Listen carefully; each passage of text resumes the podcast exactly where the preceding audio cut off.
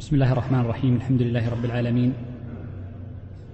وأشهد أن لا إله إلا الله وحده لا شريك له وأشهد أن محمدا عبده ورسوله صلى الله عليه وعلى آله وأصحابه وسلم تسليما كثيرا إلى يوم الدين. ثم أما بعد فما زلنا في الباب الذي عقده المصنف رحمه الله تعالى في قوله باب تعليق الطلاق بالشروط.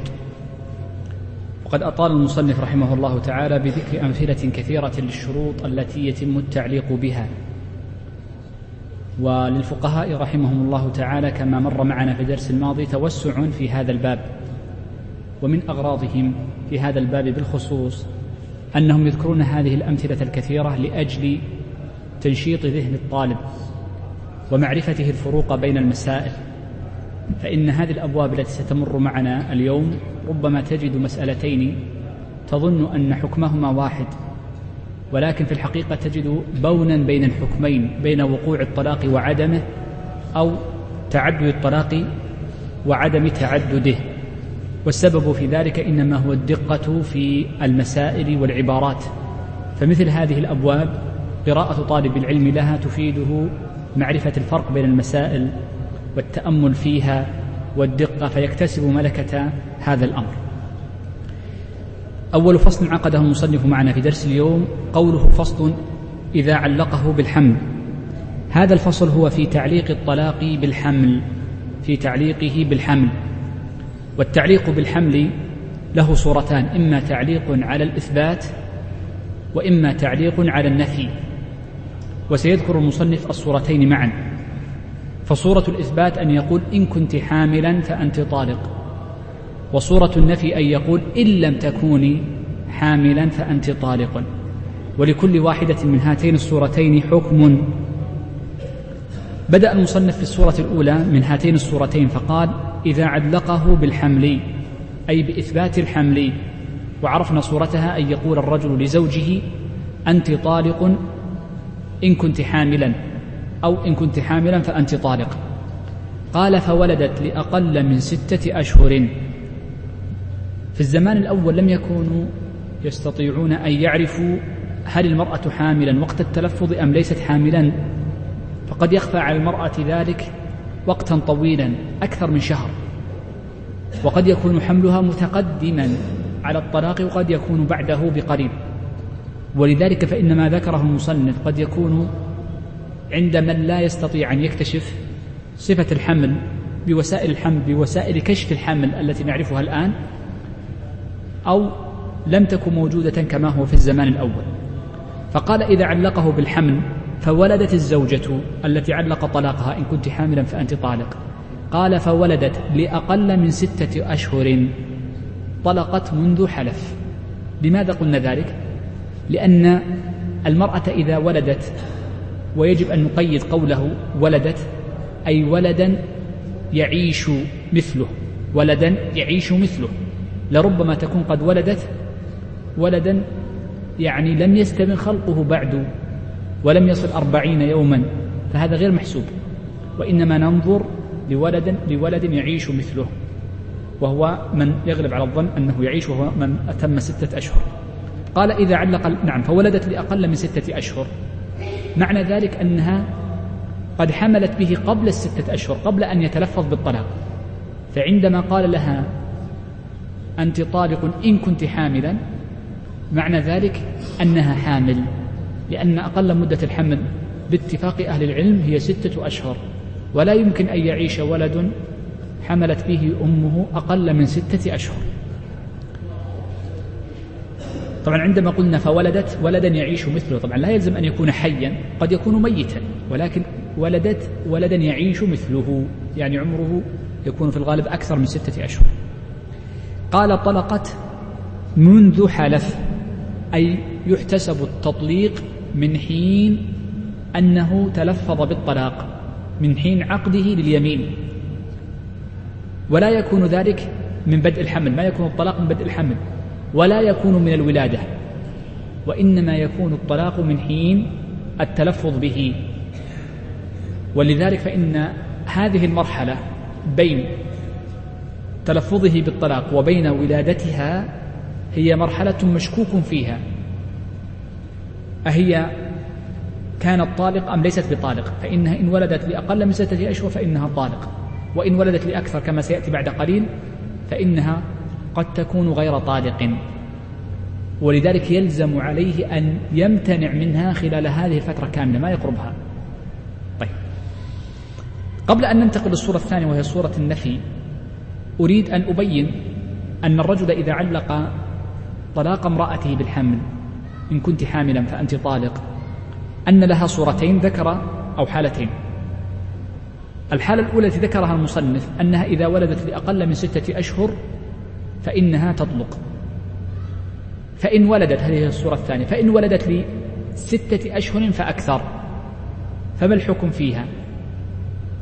نقول إنها إن ولدت لأكثر من ستة أشهر فإن لم يكن زوجها قد وطئها وهو الواجب عليه لم يطئها لم يطأها فإنها حينئذ تطلق كذلك.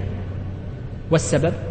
لأنه حملت قبل أن يتلفظ باليمين وهو التعليق. فقطعا هو الحمل كان موجودا قبل ذلك. وإن كان قد وطئها مع أنه ممنوع من وطئها فنقول لا تطلق. لوجود الشك والاشتباه. احتمال أن يكون تكون قد حملت منه بسبب هذا الوطء واحتمال أن حملها كان متقدما على لفظه فحينئذ يعني آه نقول إنه محتمل.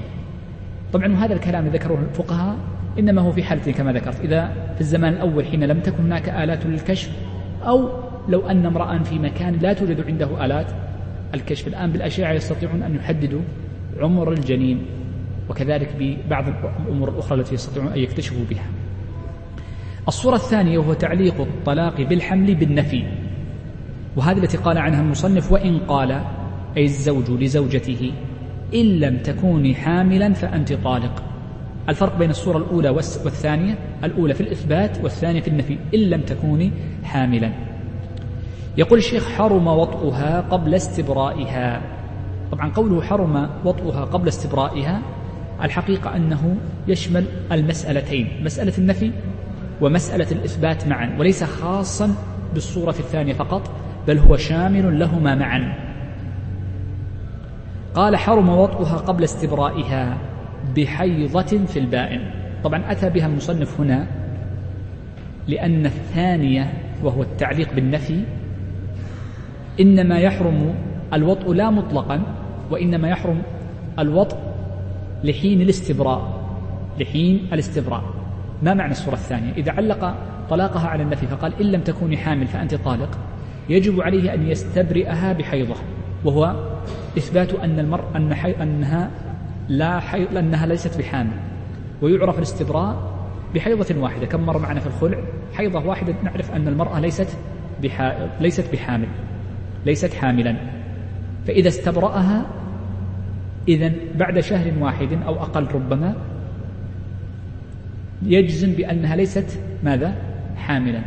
فإن كانت ليست حاملا ينبني على ذلك أنها لم يقع طلاقها. فلذلك لا يمتنع منها مطلقا وإنما يمتنع حتى استبرائها. قال حرم وطئها هذه في الصورتين قبل استبرائها متعلق بالصورة الثانية وهي النفي. قبل استبرائها بحيضة في البائن. بحيضة في البائن. قوله قبل استبرائها بحيضة لأن الاستبراء يكون بحيضة واحدة. فقد تكون الحيضة بعد التلفظ يعني ابتداء الحيض بعد التلفظ بالطلاق وقد يكون الحيض موافقا للتطليق. قد يكون موافق يعني قال هذه الكلمة إن لم تكون تكوني حاملا فأنت طالق. فحاضت في نفس اللحظة فهذا يكون موافق. وقد يكون متقدم أي ابتداء الحيضة قبلها. فعلق الطلاق وهي حائض. ففي كل هذه الثلاث يكون استبراء قد تحقق إذا تحصل الاستبراء بحيضة سابقة ابتداؤها أو موجودة وقت التلفظ أو تكون مستقبلة. طيب. إذا قول المصنف قبل استبرائها بحيضة. طيب. إن لم تستبرأ وإنما كانت حامل كم يستبرئها؟ لو لو أراد أن ينتظرها هذا رجل قال لامرأة إن لم تكوني حاملا فأنت طالق. فطال ثلاثة أشهر حتى بان حملها. فما حكمها؟ هي طلقت لأن بان الحمل. إذا استبان الحمل خلاص إذا بان أنها طلقت من حين. التلفظ واضح هذه المسألة فقط أريد هي هذا هو الوضوح. من الاستبراء إذا لم تكن واضح من حملها وإذا بان حملها فإنها كذلك. طيب. قال قبل استبرائها بحيضة في البائن أي التي تبين يعني إذا كانت الطلقة هذه الأخيرة هي التي تبينها. وأما إذا لم تكن تبينها فإنه يجوز المرأة أن يطأ امرأته ولو كانت في عدتها. قال الشيخ وهي عكس الأولى في الأحكام. قوله وهي عكس الأولى في الأحكام أي في قضية إذا ولدت لأقل من ستة أشهر. فهناك قال إنها إذا ولدت لأقل من ستة أشهر بانت أو طلقت. هنا نقول إذا ولدت لأقل من ستة أشهر لم تطلق لأنها حامل. فإن ولدت لأكثر من ستة أشهر فإنها حينئذ تطلق. وهذا معنى قوله إنها عكس الأولى في الأحكام. بدأ المصنف بذكر تعليق الطلاق على الحمل. قال وإن علق أي الصورة الثالثة. قال وإن علق طلقة يعني قال أنت طالق إن كنت حاملا بذكر خصه بالذكورة بالذكورة وأنت طالق في نفس اللفظ. قال وأنت طالق طلقتين بأنثى أي إن كنت حاملا بذكر فأنت طالق طلقة وإن كنت حاملا بأنثى فأنت طالق طلقتين. فما الحكم؟ هناك حكم واضح جدا لم يتكلم عنه المصنف أنها إذا ولدت طبعا الصورة الأولى قبل ذلك إذا لم يثبت أنها حامل فلا يقع الطلاق. هذه الصورة الأولى. الصورة الثانية إذا ولدت ذكرا واحدا تطلق طلقة واحدة. وإن ولدت أنثى واحدة تطلق طلقتين وهذه واضحة لم يتكلم عنها المصنف. هذه الصور الثلاث لم يتكلم عنها المصنف لأن الأولى تقدمت والثانية والثالثة واضحة. لكن انظر الصورة التي قالها المصنف. قال فولدتهما. يعني ولدت توأمين ذكرا وأنثى. قال طلقت ثلاثة طلقت ثلاثا أي طلقت ثلاث طلقات. لأنه قال إن ولدت ذكرا فطلقة وأنثى بطلقتين فيكون المجموع كم؟ فولدت ذكرا وأنثى. فتطلق ماذا؟ ثلاثا وهو قال إن ولدت ذكرا وإن ولدت أنثى فهو يدل على مطلق الجمع فهو يدل على مطلق الجمع. ولدت ذكرا وإن ولدت أنثى. يجب أن يقول الواو. طيب عندي هنا سؤال. لو أن رجلا قال لامرأته إن ولدت ذكرا فطلقة فأنت طالق طلقة وإن ولدت أنثى فأنت طالق طلقتين فولدت بنتين أنثيين. فكم طلقة تطلق؟ كم؟ ثلاث؟ لا أربع. ولا لا؟ لماذا تطلق طلقتين؟ هي إنما تطلق طلقتين. إذا قال لها أنت إن ولدت أنثى فأجاءت ببنتين فتطلق ثنتين فقط لأن المقصود بالأنثى الجنس. طيب لو جاءت بولدين طلقة واحدة طلقة واحدة. هذا هو المذهب المعتمد عند المتأخرين. وقال المنقح إذا قلنا المنقح المقصود به؟ القاضي على أيدي المرداوي صاحب التنقيح. وقال المنقح يحتمل فإذا ذكره في التنقيح فدل على أن الاحتمال قوي جدا. قال ويحتمل ألا يقع به شيء لأنه قال ذكر واحد وهي ولدت اثنين ولم تلد ذكرا واحدا. وهذه يعني الخلاف بين الأمرين راجع لدلالة اللغة. فإن قوله ذكرا هل المقصود به الجنس؟ أم مقصود به المفرد. فيحتمل أن يكون مقصود به الجنس فيطلق بولادة ذكرين طلقة واحدة ويحتمل أن يقصد به مفرد فيكون ولادة اثنين لا يقع به شيء.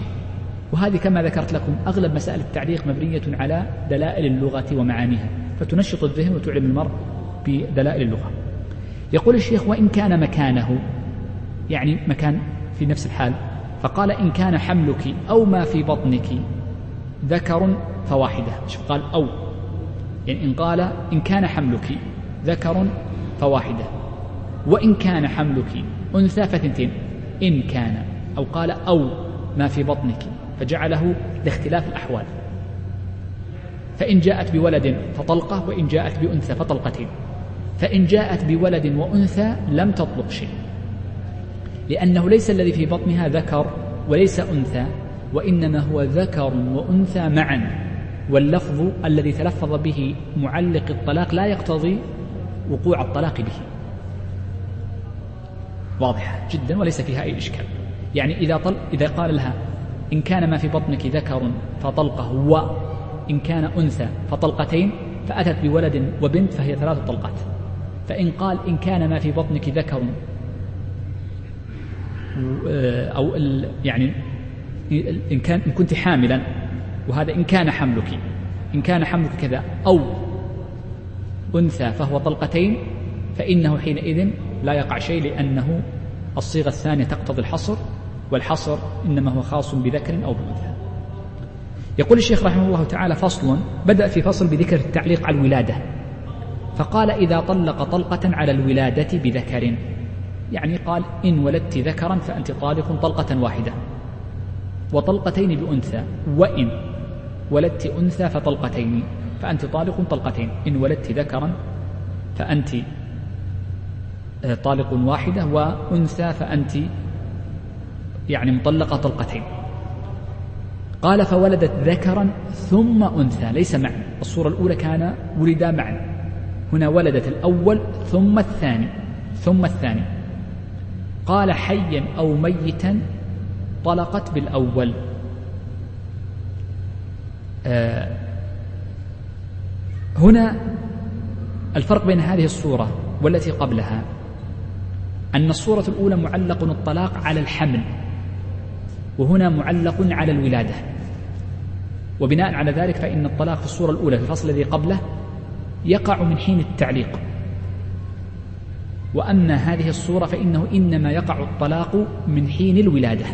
من حين الولادة. إذا فهذا من باب التعليق على الولادة وذاك من باب التعليق على الحمل. فيختلف في الصيغة ويختلف في وقت وقوع الطلاق إن وقع. هذا واحد. الأمر الثاني أن قوله في هذا الحكم يختلف لأن أحد الولدين يولد بعد الثاني فقال فولدت ذكرا ثم أنثى. وقبل أن نذكر هذا الشيء لنعلم أن من, طل من علق على الحمل أو على الولادة فإنه يقع الطلاق على ولادة ما استبان به الخلقة. فلو قال رجل لامرأته إن ولدت فأنت طالق وسكت قبل أن نذكر الصورة ذكرها المصنف. كل من قال لامرأته أنت طالق إن ولدت. فالمقصود إذا ولدت ما استبانت به الخلقة خلقة الآدمي. وخلقة الآدمي تستبين من الأربعين إلى الثمانين. لا يمكن أن يستبين قبلها. وإن خفي حاله فقطعا قد استبان بعد الثمانين أو عند الثمانين لحديث ابن مسعود واختلاف الروايات فيه وتقدم معنا في باب الحيض. فتستبين الخلقة بذلك. وهذه الاستبان الخلقة هي التي يثبت بها أن الدم الذي يخرج من المرأة دم حيض عفوا دم نفاس وهو الذي تكون به المرأة أم ولد لأنه حكم الجنين الكامل. وأما قبل ذلك فإنه لا يسمى ولادة وإنما يسمى سقطا. يقول الشيخ ثم ولدت حيا أو ميتا لا نفرق بين الحي والميت. طيب لكن إن ولدت ذكرا ثم أنثى فإنها تطلق بولادة الذكر طلقة واحدة. فإن جاءت الأنثى فإنه لا يقع بها طلاق. فتطلق طلقة واحدة وهذا معنى قوله طلقت بالأول طلقة واحدة وبانت بالثاني أي بينونة الصغرى لانتهاء عدتها. لأن المرأة تنتهي عدتها بالولادة. فبانت عد فانتهت عدتها بالولادة فطلقت ثم وبانت في نفس اللحظة وبانت في نفس اللحظة. قال ولم تطلق به أي ولم تطلق بالطلاق الثاني لأن وقت الطلاق الثاني وهو ولادة الأنثى لم تكن محلا للطلاق. وقد انقضت عدتها المرأة تنقضي عدتها إذا كانت حاملا بوضع الولد. قال فإن أشكل كيفية وضعهما لم يعرف هل الأول الولد أم البنت. فتقع واحدة فقط لأنها المتيقنة لأن لو تقدمت البنت لوقعت طلقتان لوقعت طلقتين. قال فواحدة أي فتقع واحدة. وما زاد من تلفظه ملغي لأنه مشكوك فيه والواحدة متيقن بها فهو إما واحدة أو اثنتين فتيقن الواحدة. بدأ المصنف بعده بفصل دقيق جدا وهو مسألة تعليق الطلاق بالطلاق. تعليق الطلاق بالطلاق. ولنعلم أن هذا الباب وكل أبواب التعليق فيها دقة. وهذا الباب بالخصوص قال عنه ابن عوض في حاشية على الدليل هذا فصل صعب. كذا يقول فهو فصل صعب.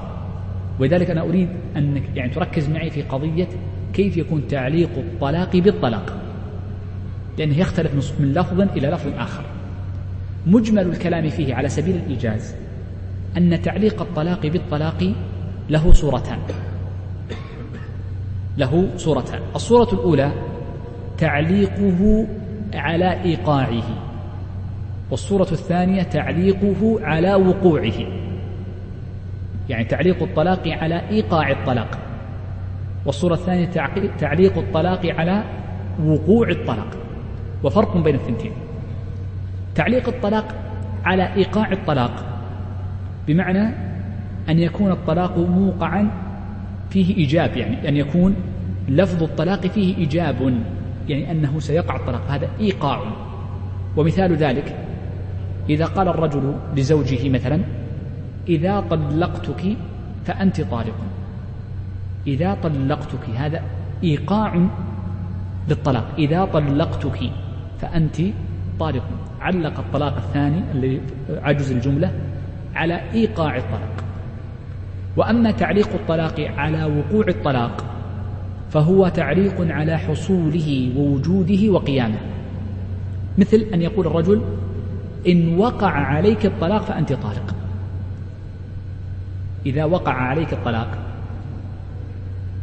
أو إذا طلقت فأنت طالق. فيكون هنا إخبار والأول فيه إيجاب وهذا الفرق بين الوقوع والإيقاع. على العموم نحاول نختصر من كلام المصنف. يقول الشيخ إذا علقه على الطلاق بدأ يتكلم على تعليق الإيقاع. إذا علقه على الطلاق ثم علقه على القيام. هذه الصورة الأولى. كيف علقه على الطلاق؟ قال أنت طال إن إن عفوا. أنت نعم. إن طلقتك فأنت طالق. إن طلقتك على الإيقاع. فأنت طالق. ثم مباشرة قال إن قمت فأنت طالق. يعني رجل قال لامرأته إن طلقتك فأنت طالق. وقال إن قمت فأنت طالق. إذا أتى بجملتين كلاهما فيها تعليق. الأولى تعليق على على الإيقاع والثانية على القيام. فما الحكم في هذه المسألة؟ ذكر المصنف أنها تطلق طلقتين. تطلق طلقتين. لماذا؟ انظر معي. ابدأ بالجملة الثانية. إذا قامت وقعت الطلقة الأولى والجملة الأولى تعليق على الإيقاع فأنا أو فالرجل أوقع الطلاق فتقع بها طلقتان هذه سهلة. انظر المسألة الثانية. قال أو علقه على القيام ثم على وقوع الطلاق. على القيام ثم الوقوع ليس على الإيقاع. هذه وقوع. فقال الرجل لزوجه أنت طالق إن قمت. وإن وقع عليك الطلاق فأنت طالق. تعليق على الصورة الثانية على الوقوع. تعليق على الوقوع. فهذه تقع فيها طلقتان. لأن الأولى إن قمت فأنت طالق فعند وجود القيام تطلق ثم مع وجود الإيقاع لأنه سابق فتطلق طلقتين. طبعا تقع طلقتين إذا كانت رجعية وأما إذا كانت يعني قد فاتتها طلقتان قبل فتطلق واحدة وتبين بها وهذا واضح لا يحتاج إلى تنبيه. انظروا الصورة الثالثة هي محل إشكال والاختلاف بينها مع الصورتين السابقتين. إن علقه على قيامها ثم على طلاقها ثم على طلاقها إيقاع أو وقوع؟ إيقاع. شوف اللي قبلها وقوع. يعني صورة هذه المسألة قال إن قمت فأنت طالق. وإن ثم قال يعني بعد ذلك وإن طلقتك فأنت طالق. ما الفرق بين هذه الصورة الثانية والثالثة؟ أو الثالثة والثانية؟ الفرق أن كليهما في الجملة الأولى تعليق على القيام ولكن الجملة الثانية هناك تعليق على الوقوع وهنا تعليق على الإيقاع. فأنا أريدك أن تفرق لذلك قال ابن عوض من استطاع أن يفرق بين الإيقاع والوقوع عرف هذا الفصل. أن تفرق بين الوقوع والإيقاع. فالجملة الثالثة هذه تعليق على ماذا؟ الإيقاع وليس الوقوع. قال فقامت فواحدة. هنا لا تطلق إلا طلقة واحدة. لماذا؟ انظر خلينا نتأمل في كلامه يقول يقول هذا الرجل إن, إن قمت فأنت طالق. هي وقعت طلقة فيقع الطلاق بالتعليق. زين؟ بسبب القيام عفوا بسبب القيام. وقوله إن طلقتك فأنت طالق يقول هذا التعليق لا يقع به شيء لأنه تعليق على الوقوع. وقوع الطلاق منه هو وهي لم تطلق بسبب تطليقه وإنما طلقت بسبب ماذا؟ أو طلقت بسبب القيام.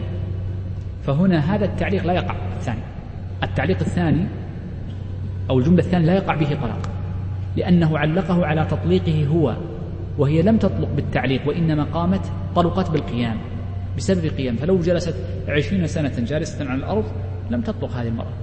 إذا في الحقيقة أنه يقام يعلق يعني أو, أو يكون الطلاق بسبب القيام. وهذا هو معنى هذه المسألة. الصورة الثالثة الصورة الثالثة سهلة جدا لأنها من تعليق الإيقاع أيضا.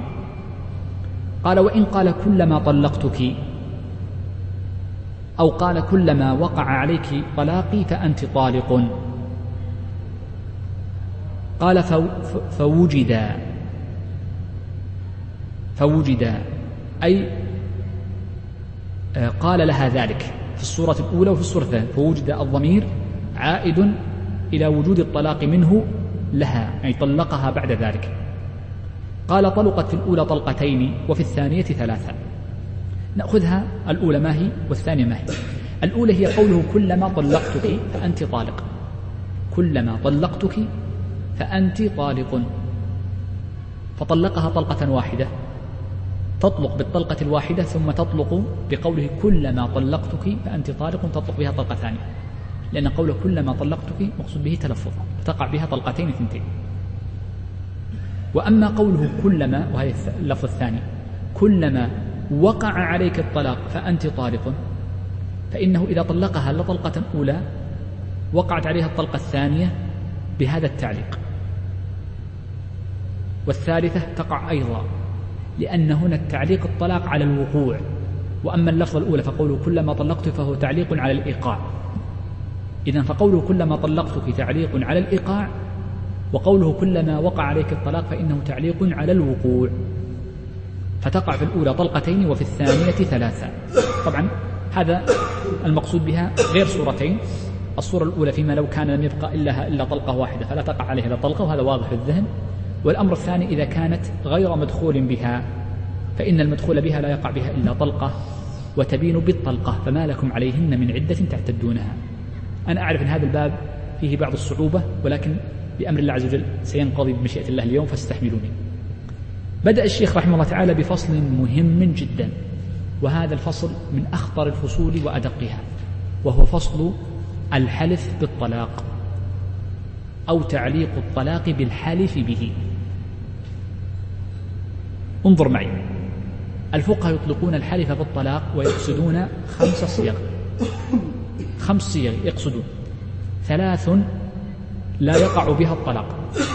وثنتان مشهور المذهب أنه يقع بهما الطلاق. الصورة الأولى إذا حلف بالله فقال والله لأطلقن. والله لأطلقن. وكان الحلف باب الإنشاء للمستقبل. فهذا باتفاق أهل العلم لا يقع به الطلاق. باتفاق. الصيغة أو الصيغة الثانية نعم نقول الصيغة الثانية أو اللفظ الثاني. أن يأتي بصيغة لا تعليق فيها ولا قسم وإنما نوى الحلف. فيقول أنت طالق وهو ناوي إن لم تفعلي ذلك. فنقول إن نيته لا أثر لها. الصورة الثالثة أن يقع بلفظ الجزاء المستقبل. بلفظ الجزاء المستقبل. كأن يقول إن فعلت كذا فسأطلقك. انظر فسأطلقك. هي تعليق وترتيب جزاء ولكنه للمستقبل. للمستقبل. وهذه الصور الثلاث باتفاق.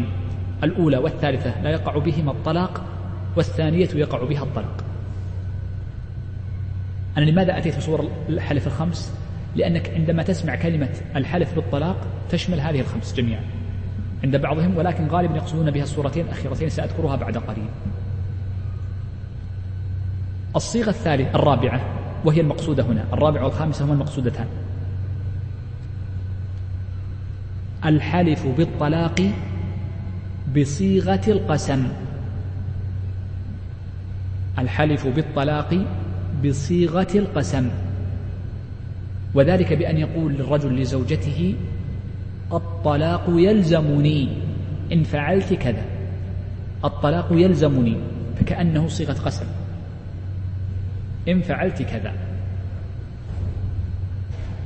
ويدخل فيه أيضا لو لم يعلق شيئا إذا قال الرجل علي الطلاق مثل ما يفعل الناس الآن هذا يسمونه علي الطلاق هذا حلف بالطلاق علي الطلاق بدل ما يقول الطلاق يلزمني علي الطلاق أن تقلط عندي في البيت. هذا يسمى ماذا؟ تعلي حالف بالطلاق بصيغة القسم. الصورة الأخيرة الحلف بالطلاق بصيغة الجزاء. بصيغة الجزاء. وهو التعليق المحض. إذا ما دخلت بيتي فامرأته طالق. إذا لم تدخل بيته يقول الرجل لآخر إن لم تدخل بيتي فامرأتي طالق. ما قال علي؟ ألزم نفسه. ولم يقل يلزمني وإنما جعله صيغته تعليق محض.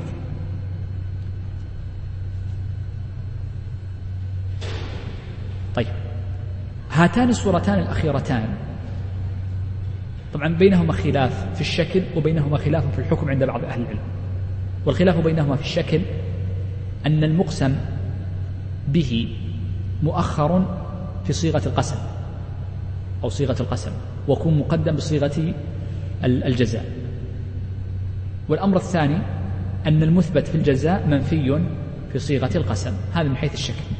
والمالكية يوقعون الطلاق بصيغة القسم بصيغة الجزاء دون صيغة القسم. فقط أنا أريد أن تعرف أن التفريق بين هاتين الصيغتين لأهل العلم فيه نظر.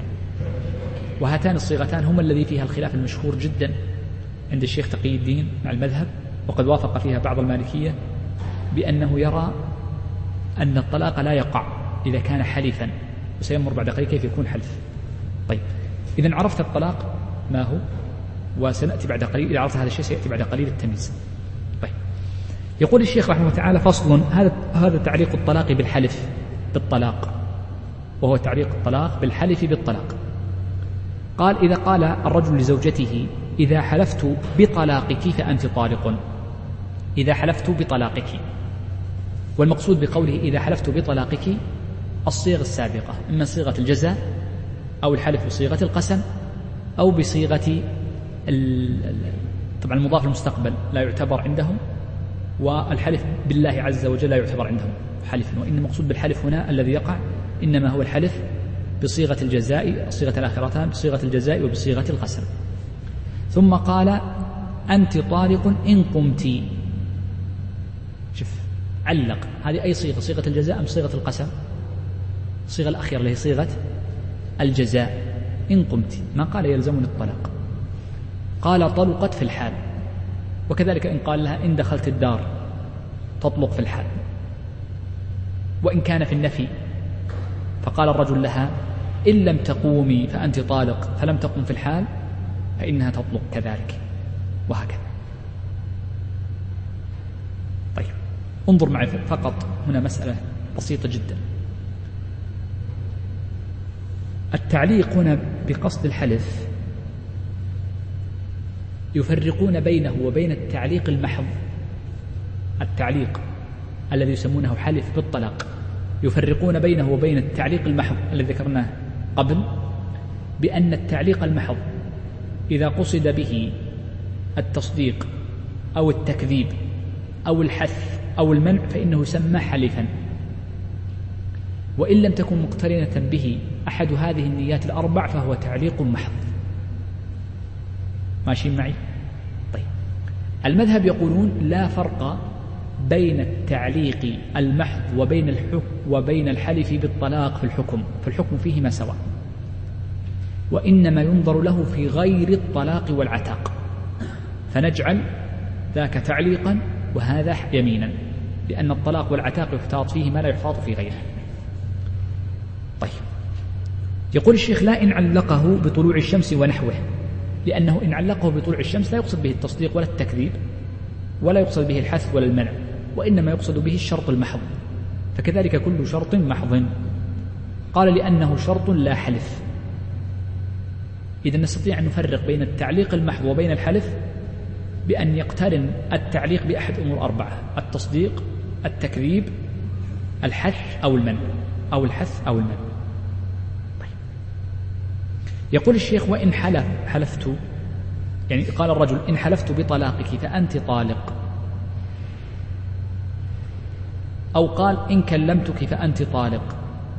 وأعاده مرة أخرى يعني كرر الحلف بالطلاق. طلقت واحدة. ومرتين وهو تعليقه بالكلام فثنتان. وثلاث فثلاث. ما معنى هذا الكلام؟ يعني إن قال إن كلمتك فأنت طالق. ثم قال لها إن كلمتك فأنت طالق. أعادها مرة أخرى. فالجملة الثانية تكليم. فتقع بها طلقة واحدة. وإن قال المرة كلمتين فتقع طلقتين لأنها باعتبار كلمتين. يعني الجملة الأولى وقعت بها طلقة والجملة الثانية وقعت بها الطلقة التي بعدها. وهكذا. إذا قال الطلقتان وقعت بماذا؟ واحدة بالتعليق الأول والثانية بالتعليق الثاني وهو قوله إن كلمتك فأنت طالق. طيب. نقف أو نستمر؟ كان الدرس ثقيل شوي. أستمر أو أقف؟ هو الدرس هذا وكل التعليق ثقيل. ننهيه اليوم كاملا؟ ما رأيكم؟ سم؟ أنت مصدع يا شيخ عبد الله؟ لا لا. ولا طيب؟ لا باقي التعليق أو نقف عند المشيئة إن شاء الله. طيب انظر معي. بدأ المصنف يقول رحمه الله تعالى فصل. هذا الفصل هو في تعليق الطلاق بالكلام.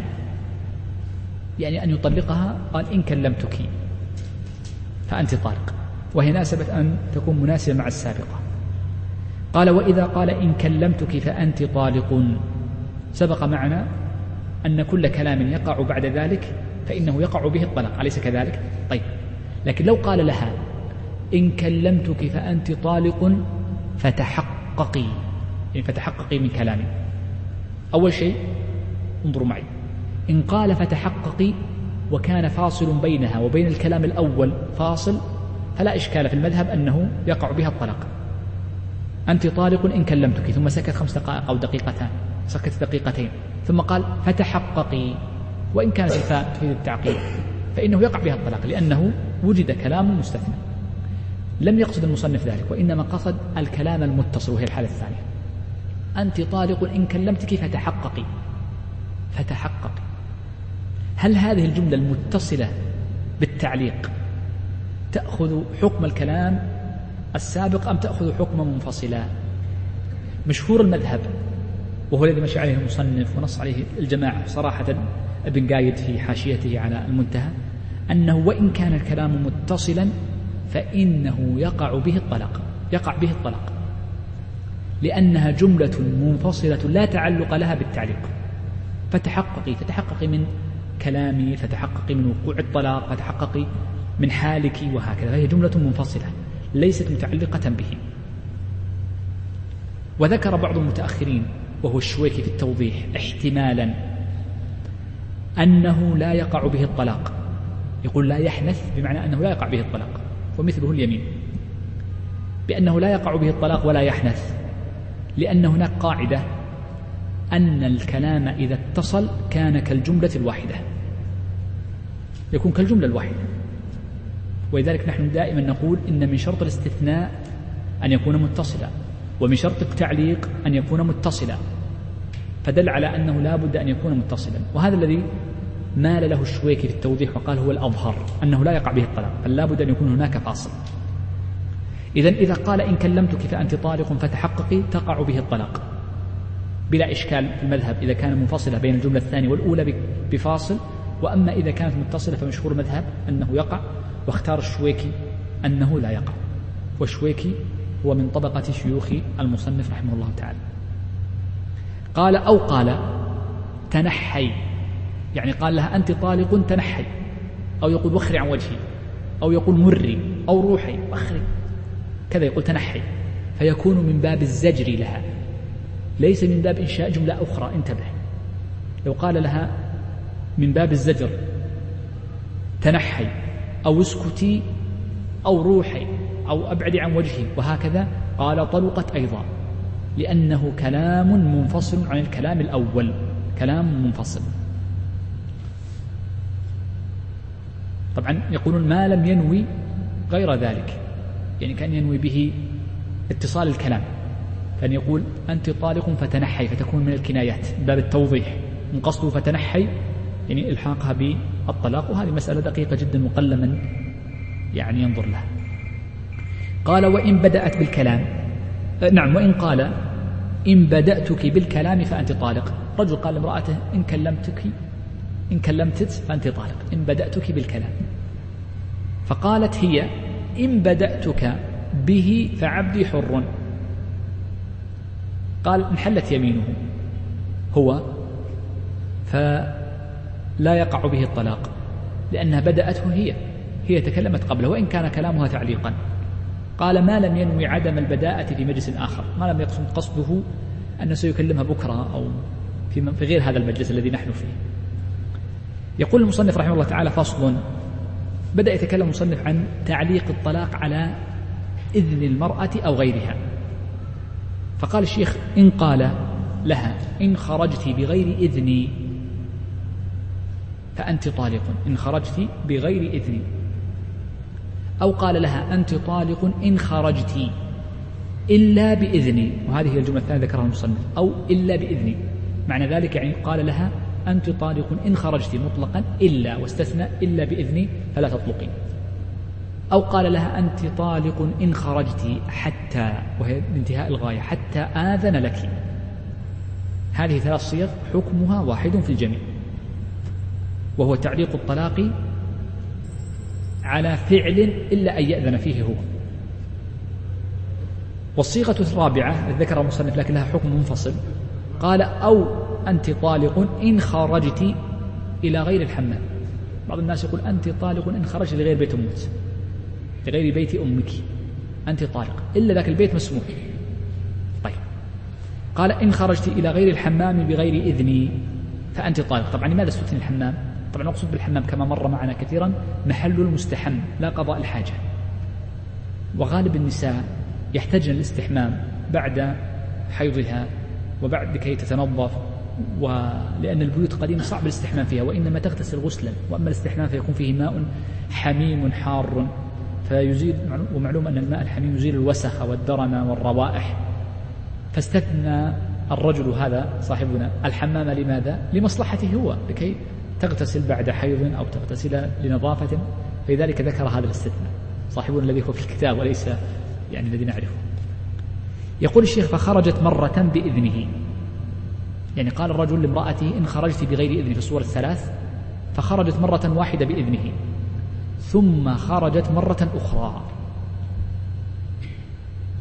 بغير إذنه ثم خرجت مرة ثانية خرجت ثم رجعت ثم خرجت مرة أخرى. فإنه حينئذ يقولون تطلق. لماذا طلقت؟ قالوا لأن قول الرجل لزوجه إن خرجت بغير إذني لأن قوله خرجت بغير إذن كلمة خرجت نكرة في سياق الشرط. خرجت نك فأنت في سياق الشرط. والنكرة في سياق الشرط تعم الواحد وأكثر. فنحملها على الأقل. فنحملها على الأقل. فيكون على ذلك تطلق إن خرجت مرة أخرى. فيكون عام في كل خروج.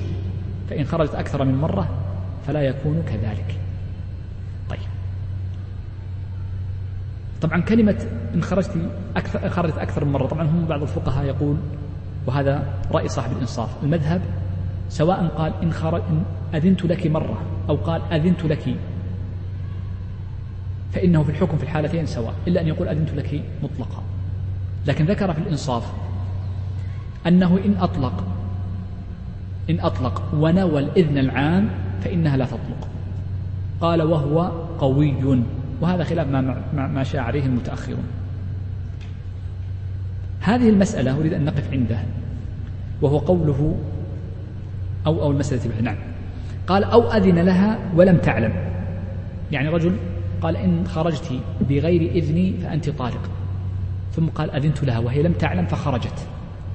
قالوا تطلق في هذه الحال. مع أننا قلنا إنه يعذر بالجهل لماذا هنا تتعلق به؟ نقول إن لهم ثلاث مسالك لماذا تطلق المرأة وهي لم تعلم بالإذن مع وجود الإذن. وضحت صورة المسألة؟ أنا أعرف الآن. أغلب الشباب ليس منه أعيد هذه المسألة نركز معي في العلة فيها. لأن هناك ثلاث علل اختلف كبار علماء الحنابلة في تعليل هذا الحكم. صورتنا ما هي؟ إذا قال رجل لامرأته إن خرجت بغير إذني فأنت الطالق ذكرنا الصورة الأولى خرجت ثم رج... ثم خرجت مرة ثم رجعت. وقلت لكم أن صاحب الإنصاف يفرق بين النية بلا إشكال إذا أذن لها مرة واحدة. انتهينا من الصورة الأولى. الصورة الثانية إذا قال إن خرجت بغير إذني فأنت طالق. ثم أذن لها ولم تعلم هي وخرجت. خرجت من غير أن تعلم بإذنه مع وجود الإذن. فهل تطلق أم لا؟ المذهب يقول تطلق. وهو المشهور. لماذا تطلق؟ فيه ثلاثة أوجه. الوجه الأول نبدأ بآخرهم زمانا وهو ابن اللحام. فإن ابن اللحام في القواعد قال إن هذا مبني على ظن المكلف لأن المحلوف عليه وجد. وما هو المحلوف عليه؟ خروجها خروجها. وخروجها على وجه المشاقة. فإنه منعها أن تخرج مخالفة له ومشاقة له ومخالفة لأمره. فخرجت على وجه المشاقة والعبرة بظن الشخص لا بالحقيقة وهذا الذي ظن المكلف لا بالحقيقة وهذا الذي خرجها عليه ابن اللحام في القواعد. شيخه ومن شيخه؟ إذا قال شيخي ابن اللحام معروف. من شيخه؟ أحسنت شيخ. شيخه ابن رجب. شيخه ابن رجب في القواعد الفقهية ابن اللحام تسمى قواعده بالقواعد الأصولية وشيخه ابن رجب تسمى قواعده بالقواعد الفقهية. شيخه خرجها على قاعدة أصولية وهو أن الإباحة بعد الحظر أن الإذن عفوا أن الإذن إباحة بعد الحظر. والإباحة بعد الحظر لا يثبت بدون علم. أن الإباحة بعد الحظر لا يثبت بدون علم. الوجه الثالث التخريج ما ذكره الشيخ تقي الدين وهو شيخ شيخ ابن رجب. في المسودة فقد ذكر في المسودة أن هذه مندرجة تحت قاعدة العلم بالناسخ. فقال إن العلم بالناسخ لا يسقط وجوب الحكم الأول أو النهي فيه. قال والذي تقرر عند القاضي وغيره أن هذا الحكم يشمل الحكم المبتدأ كذلك وذكر هذه المسألة منها. إذن هناك ثلاث علل ومعاني يبنى عليها هذا المسألة وليست متعلقة بالعذر بالجهل التي ذكرناها قبل قليل وستأتي العذر بالجهل في التعليق بالمشيئة وما بعدها. يقول أو خرجت تريد الحمام وغيره هذا متعلق فقط في الجملة الأخيرة. إذا خرجت تريد الحمام وغيره قال لا تخرج إلا لبيت أمك فخرجت لبيت أمها وغيره؟ فإنها تطلق لأن الإذن معلق به دون ما عداه قال أو عدلت منه إلى غيره خرجت من الحمام إلى غيره فتطلق في الكل. قال لا إن أذن فيه كل ما شاءت. يعني إن قال أذنت له كل ما شئت لأنه علقه بمشيئتها فلا تطلق. أو قال إلا بإذن زيد. يعني لو قال رجل امرأتي أنت طالق إن خرجت إلا أن يأذن زيد. فمات زيد. نقول إذا مات زيد فات المحل. وإذا فات المحل أصبح تعليقا على مستحيل. وعندنا قاعدة ذكرناها في الدرس قبل الماضي أن التعليق على المستحيل لا يقع به الطلاق. فحينئذ لا يقع الطلاق لأنه علق طلاقها على مستحيل. نستمر أو نقف؟ نستمر؟ طيب. طفيت شيخ لا أنا ما عندي إشكال أنا أريد أنا مستمر أنتم؟ استمر شيخ. ثقيل الدرس. أنا أدري لكن أنا ودي لأن أريد لا أخفيكم أنا أريد أن أنهي هذا الباب لأنه كله ثقيل فننهي في يوم واحد. ولو أن نقف على الأقل على بعضة في التأويل نقف على التأويل. لا طويل هذا. لا التعليق على المشيئة طويل ومسائله دقيقة. إذا لعلنا نقف. نسأل الله عز وجل الجميع التوفيق والسداد وصلى الله وسلم على